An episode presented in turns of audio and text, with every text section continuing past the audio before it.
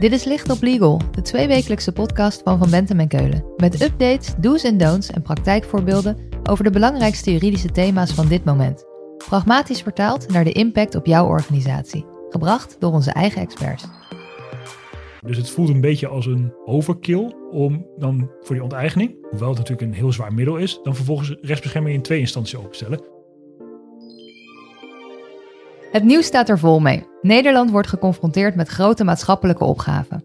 Klimaatverandering en de energietransitie. We moeten naar een duurzamere toekomst en de woningbouwopgave. Er is simpelweg een tekort aan woningen. Een direct gevolg daarvan is de landbouw- en stikstofproblematiek. We moeten bouwen, maar ook minder stikstof uitstoten. Om twee vliegen in één klap te slaan, spreekt het kabinet al over onteigening van boeren om de stikstofuitstoot naar beneden te krijgen en bouwgrond te verwerven. Over die onteigening gaan we het in deze Licht op Legal hebben. Want, zoals het er nu naar uitziet, treedt per 1 juli 2022 de Omgevingswet in en daarmee ook de aanvullingswet grondeigendom. Wat dat voor gevolgen heeft voor onteigening, daarover hebben we het in deze Licht op Legal met Alrik Bijkerk. Hij stelt zich even voor. Ik ben Alrik Bijkerk, advocaat omgevingsrecht bij eh, Van Metten en Keulen. Ik ben gespecialiseerd in eh, gebiedsontwikkeling. Nou, even praktisch gezien houdt het in uh, contracten tussen overheden en ontwikkelaars. Ehm, de verwerving van gronden die nodig zijn om een ontwikkeling mogelijk te maken. Ehm, en ook de uh, verdeling van kosten die worden gemaakt tussen ontwikkelaars en overheden om uh, die ontwikkelingen te realiseren. En Alrik is als advocaat al sinds 2009 betrokken bij grote projecten die bijdragen aan de toekomstbestendigheid van Nederland. Van nieuwe snelwegen tot hoogwaterbeschermingsprojecten en van windmolenparken tot grote woningbouwprojecten. Alrik, laten we eerst even naar de basis gaan. Hoe kunnen overheden ook alweer grond verwerven? Nou ja, in de eerste plaats kunnen ze gewoon gronden kopen. Uh, minnelijk uh, overeenstemming krijgen over de verkoopprijs en de voorwaarden. Maar als overheid heb je ook uh, wat meer machtsinstrumenten. En de overheid kan via dwang gronden ook onteigenen. maar dat is een heel actief instrument. je de overheid kan ook een passief instrument inzetten. Dat is het voorkeursrecht. zodat een overheid niet, geen gronden mag verkopen anders dan aan de overheid. Uh, nou, die twee instrumenten die, uh, zijn het belangrijkste voor de overheid. Laten we eens gaan kijken hoe het op dit moment juridisch in elkaar steekt.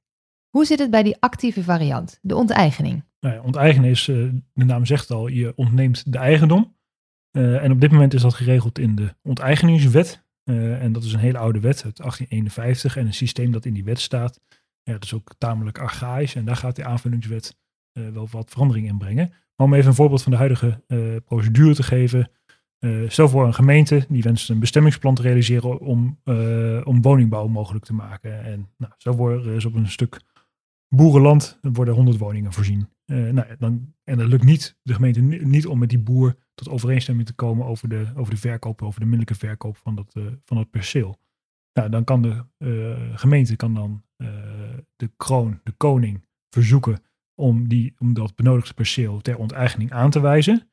Nou, de koning toetst dan of er inderdaad sprake is van een noodzaak om te onteigenen. Lukt het inderdaad niet om in de minder overeenstemming te krijgen. En of er wel sprake is van urgentie. Is die woningopbouw, gaat die wel binnen een korte termijn, dus vijf jaar, uh, begonnen worden om dat te realiseren met de bouw. Nou, als dat allemaal uh, zo is, dan keurt de kroon die, uh, dat goed. En wijst die, dat perceel ter onteigening aan. En dan kan de rechter met dat besluit van de koning naar de rechter, een civiele rechter, in gewoon een dagvaarding van de eigenaar waarin dan de rechtbank wordt gevraagd, gevorderd, om die onteigening van dat perceel uit te spreken.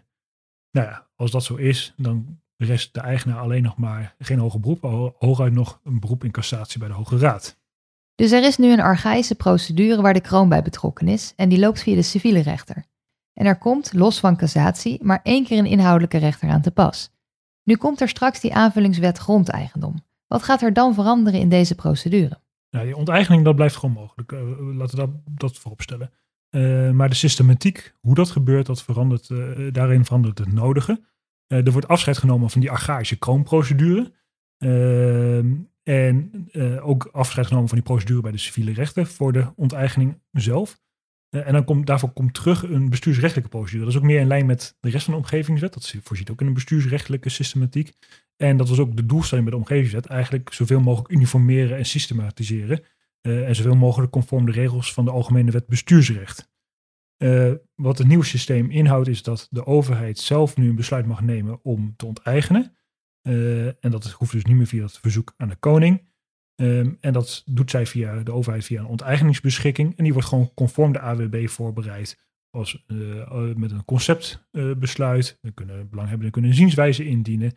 En vervolgens een definitief besluit over de onteigening daar is wel weer een nieuw systeem gelijk aan toegevoegd, wat weer afwijkt van de AWB. Dus dat is wel weer typisch. Dat is de zogenaamde bekrachtigingsprocedure. En zo'n bekrachtigingsprocedure, dat is nieuw. Wat is dat? Nou, die bekrachtigingsprocedure is eigenlijk een soort uh, rechtszekerheidsprocedure. Oorspronkelijke wetsvoorstel verzag er helemaal niet in, maar, want die zag, verzag gewoon in dat dat besluit genomen werd. En pas als iemand ging piepen, conform de normale regels bij de, bij de, bij de, bij, in het bestuursrecht, kon je naar de bestuursrechten. Maar stel voor dat iemand nou geen, geen zienswijze had ingediend, dan, dan stond er geen rechtsbescherming meer open tegen dat onteigeningsbeschikking. En dat werd eigenlijk ja, in de, toch uh, wel als een gemis gezien. En terecht. Want dan zou je een onteigening krijgen zonder dat er überhaupt een onafhankelijke rechter naar gekeken heeft. Ja, daar, om, dat systeem, om die lacune op te vullen, is er in een weer heel nieuw instrument bedacht. Dat is die bekrachtigingsprocedure. En dus die dwingt erin dat de, dat de, dat de overheid, los van eventuele zienswijze of beroep, uh, naar de rechter moet gaan om te vragen van dit is het besluit dat wij hebben genomen, deze onteigeningsbeschikking. Wilt u dat maar bekrachtigen? En de rechter moet dan verplicht een aantal toetsen doen of aan de formele voorwaarden is voldaan. Zo hou je dus toch een onafhankelijke toets van de rechter in het proces. Ja, onteigening is zo'n zwaar middel dat de wetgever dacht, als een burger zit te slapen, willen we toch nog dat er automatisch een rechter naar kijkt. Kortom, meer rechtsbescherming voor de burger. Dat is altijd goed, toch? Meer rechtsbescherming is sowieso goed, maar in het grotere plaatje beschouwd, in het grotere beeld beschouwd, uh, is, is het de vraag, want het nieuwe in, aan deze aanvullingswet is niet alleen dat die bekrachtigingsprocedure met verplichte rechtsbescherming, maar ook dat die rechtsbescherming in twee instanties plaatsvindt. Dus je krijgt, uh, je hebt mensen die, eh, over een eigenaar die er tegenop wil komen, kan eerst naar de bestuursrechten uh, en daarna ook nog eens een keer een hoger beroep bij de Raad van State. en dan is die twee instanties, maar het is de vraag of je daar in de praktijk uh, ook als eigenaar echt mee geholpen bent. Want het is wel zo dat een onteigening, als je eerst al een planologische basis hebt, het bestemmingsplan waar ik net bijvoorbeeld zojuist over had, als dat onherroepelijk is geworden, ja, dat onteigening als netjes aan alle formele voorwaarden wordt voldaan, in feite een onafwendbaar gegeven is. Ja, en daar veranderen rechtsbescherming in twee instanties verandert daar weinig aan. Wat zijn dan de gevolgen? Nou ja, twee instanties levert gewoon twee procedures op twee keer uh, twee procedures meer kosten en meer tijd. Dat, dat is een gegeven. Maar om het grotere plaatje even te schetsen, dat bestemmingsplan of het omgevingsplan van de omgevingswet, daar staat nou rechtsbescherming in één instantie tegenover. Dus het voelt een beetje als een overkill om dan voor die onteigening, hoewel het natuurlijk een heel zwaar middel is, dan vervolgens rechtsbescherming in twee instanties open te stellen. Zeker omdat de vraag is of je echt daar feitelijk beter van wordt. Terwijl het wel duidelijk is dat procedures gewoon langer duren, gaan duren en kostbaarder worden. Dus het betekent dat projecten die snel zouden moeten gaan, een stuk langer gaan duren? Ja, in ieder geval een stuk langer. Hoeveel langer, dat zal de praktijk moeten uitwijzen. Maar dat ze langer gaan duren, dat staat voor alle mensen in het veld, in de praktijk, wel vast. Hoewel de regering in de parlementaire behandeling altijd heeft volgehouden dat dat niet het geval gaat zijn, is er denk ik niemand in de praktijk die er denkt dat dit sneller gaat zijn dan de huidige, uh, uh, huidige systematiek. En als je dan onteigend wordt en je raakt je grond kwijt, dan word je neem ik aan wel gecompenseerd, toch? Ja, gelukkig wel. Dat is onder de huidige wet zo en dat verandert niet. Het is niet ineens uh, dat er een soort communistische toestand is dat uh, gronden zomaar worden onteigend zonder schadeloosstelling. Uh, net als de huidige onteigeningswet voorziet de aanvullingswet of de omgevingswet in de toekomst in een volledige schadeloosstelling voor alle schade die een direct en eh, noodzakelijk gevolg is van de onteigening. En dat is dus natuurlijk de waarde van de grond. En dan wordt verondersteld, er wordt gekeken naar een waarde die een redelijk handelend koper en een redelijk handelend uh, verkoper in het vrije commerciële verkeer ook zouden overeenkomen. Maar dan moet je ook denken aan eventuele inkomensschade. Uh, als het gaat om een bedrijf, maar ook bijvoorbeeld bij landbouwgrond, een boer die genereert inkomen van grond. En bijkomende schade, dus vervangingskosten, aanpassingskosten, advies, advieskosten. Nou, en die, die, die, die schades die worden uh, in het huidige systeem door de civiele rechter vastgesteld uiteindelijk. Maar ook in onder de omgevingswet blijft dat bij de civiele rechter. Dus we hebben in het begin hebben we een bestuursrechtelijk traject. Als de onteigening eenmaal is, is, is, is goedgekeurd. Maar als het over de schade gaat, komen we toch weer bij de civiele rechter. En daarin wijkt dit ook weer af van de omgevingswet in feite, van de algemene systematiek. En waarom is er dan gekozen om dit wel bij de civiele rechter te doen? Ja, om de hele simpele reden dat de regering meende dat de civiele rechten hier toch wel beter uh, toegerust voor is voor dit soort schadediscussies. Beter dan de bestuursrechten. En ja, de civiele rechten heeft ook wel ervaring in ieder geval met deze procedures. Duidelijk. Wat ik me nou afvraag bij die schadeloosstelling. Er is natuurlijk een pijlmoment voor. Maar in deze markt kan je grond binnen een maand 10% meer waard worden. Hoe werkt dat? Ja, dat is een ja, goede vraag. Want inderdaad, het pijlmoment dat is cruciaal. Zeker bijvoorbeeld in deze markt uh, waarin uh, vastgoed, onroerend goed, uh, om de havenklap echt het ene record naar het andere record wordt gebroken. nou, pijlmoment bij onteigening is het moment dat de eigendom overgaat. onder de oude wet was dat bij de inschrijving van het onteigeningsvonnis in het kadaster. Op dat moment verloor de oorspronkelijke eigenaar zijn eigendom. En dat werd, die datum werd dan ook uh, gefixeerd om te kijken van wat is de schade op dat moment. Nou, onder de uh, aanvullingswet of onder de omgevingswet verandert dat qua systeem niet.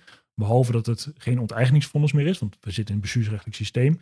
Uh, moet er nu een onteigeningsakte, dat is een document dat de notaris moet gaan opstellen. als die wordt ingeschreven in het kadaster, dat wordt dan het pijlmoment. Maar in feite verandert die systematiek weinig. En dus de waarde waardestijgingen, maar ook waardedalingen die na inschrijving van die onteigeningsakte plaatsvinden, uh, maar nog voordat de definitieve schadeloosstelling is vastgesteld, ja, die worden buiten beschouwing gelaten. Oké, dus dat kan positief en negatief voor je uitvallen. Ja, dat is zeker het uh, geval. En ik neem aan dat dat pijlmoment pas komt nadat je bij alle rechters langs bent geweest. Dus als je alle rechtsmiddelen hebt gebruikt. Ja, dus dat zijn alle rechters in het kader van de ontneming van het eigendom. Je moet daar in feite kan je een knip zetten in de procedure. Je hebt de eerste discussie over de vraag: mag ik onteigenen? Als die eenmaal is beantwoord, dan gaat de eigendom over. En dan gaat daarna nog een tweede procedure lopen over de hoogte van de schadeloosstelling. En die procedure kan soms best wel eventjes duren. Maar de veranderingen qua waarde die, in die gedurende die tijd plaatsvinden, die worden buiten beschouwing gelaten. We hebben het nu steeds gehad over de onteigening, de actieve vorm van grondverwerving. Maar er is ook een passieve variant, het voorkeursrecht. Hoe zit dat in elkaar? Ja, dat voorkeursrecht is inderdaad, uh, wat de naam ook bijna zegt. Je, de, overheid kan een voorkeursrecht op een perceel vestigen. Dat houdt in uh, dat uh, je niet verplicht bent dat perceel te verkopen. Je mag het gewoon tot de lengte der dagen houden. je mag het ook blijven verkopen. Er gelden een aantal uitzonderingen voor het voorkeursrecht aan bloedverwanten bijvoorbeeld. of de afwikkeling van een erfenis. Ehm, maar als je het aan een andere partij wil verkopen, aan een willekeurige derde, dan moet je het eerst aan de overheid aanbieden. En pas als de overheid zegt, um, wij hoeven dit perceel niet, uh, dan ben je vrij om het te verkopen aan een willekeurige derde partij. Um, zo werkt het in basically. En zijn in dit proces veranderingen gekomen met de aanvullingswet grondeigendom? Er zitten een aantal veranderingen in. Uh, een aantal veranderingen die in het oorspronkelijke wetsvoorstel waren opgenomen, die zijn er weer uitgehaald. Eentje was een soort zelfrealisatie. Het was een extra mogelijkheid om toch aan die aanbiedingsplicht aan de overheid uh, daaronder vandaan te komen. Uh, maar eigenlijk zijn die in de, in, de, in, de, in, de, in de herzieningen van de wet uh, geschrapt. En daarmee zijn eigenlijk de meest fundamentele wijzigingen zijn in, de, in de huidige wet zijn eigenlijk komen te vervallen. Dus de systematiek blijft grotendeels gelijk. Duidelijk. En als ik mijn grond aanbied aan de overheid, welke prijs krijg ik dan? Ook de marktconforme prijs? Precies net als bij het onteigeningsrecht op basis van diezelfde systematiek wordt de schade bekeken, behalve dat het daar gaat puur om de vermogensschade van de grond. Uh, en uh, de rechter stelt, als je niet uitkomt met de overheid, stelt de rechter uiteindelijk vast wat is de prijs voor dat perceel. Maar als de overheid zegt, ja, die waarde is te hoog, uh, we zijn niet bereid om het voor die prijs te ver verkopen, ja, dan ben je ook vrij om het te verkopen aan een derde partij. Alrik, 1 juli 2022 treedt deze nieuwe wetgeving in principe in werking. We hebben er veel over gezegd. Maar wat zou jij overheidsjuristen en bedrijfsjuristen willen meegeven? Ja, 1 juli 2022 is inderdaad de verwachting. Uh, je hoort ook al genoeg stemmen. Ik was laatst op een congres, nou, daar waren heel veel ambtenaren en daar geloofde geloof ik 80% eh, van de mensen niet dat 1 juli 2022 gehaald ging worden.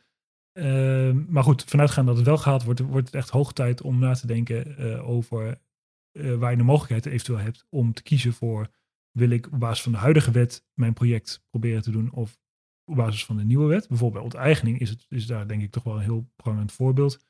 Uh, die keuze die heb je op dit moment, want het overgangsrecht zegt alle verzoeken die bij de kroon zijn ingediend voor de inwerkingtreding van de omgevingswet, dus even nog vanuit gaan dat dat 1 juli 2022 zal zijn, ja, die worden op basis van de oude wet volledig behandeld. Dus dan blijft die hele procedure, die geldt onder de oude systematiek. Ondanks dat het nog een paar jaar kan duren dan die procedure. Na 1 juli 2020 2022 zit je in de nieuwe wet. Ja, en wat ik net al zei, de verwachting is wel dat dat sowieso langer gaat duren. En zeker als je een, van de eerste procedures bent in de nieuwe wet, ja, dan moet iedereen nog kijken hoe dat gaat werken. ja, dat, dat meestal, meestal levert dat niet een versnelling op van procedures. Dus dat is een ja, dan is dit wel het moment om daar nog over na te denken. Ook voor projectontwikkelaars, ja, die afhankelijk zijn van een overheid voor de grondverwerving. Ja, misschien ook goed om daar eens met de overheid over te praten van, ja, hoe ziet de planning eruit? En kunnen, is er niet een overweging om een verzoek in te dienen voor de inwerkingtreding? Kortom, als je haast hebt, zou het nog wel eens gunstig kunnen zijn om het onder het oude regime te doen. Alrik, dankjewel. Als we meer willen weten, waar kunnen we dan terecht? Uh, je kunt me uiteraard mailen op alrikbijkerk.vwk.nl. Uh, mijn telefoonnummer staat ook op de website uh, en ook hoe mijn e-mailadres geschreven moet worden. Dit was Licht op Legal, een podcast van Van Bentem en Keulen. Te beluisteren via Spotify, Apple Podcasts of je eigen favoriete podcast-app. Wil je meer weten? Heb je suggesties voor een onderwerp? Of wil je dat onze experts hun licht laten schijnen op jouw juridisch vraagstuk? Laat het ons weten via vbk.nl/slash lichtoplegal.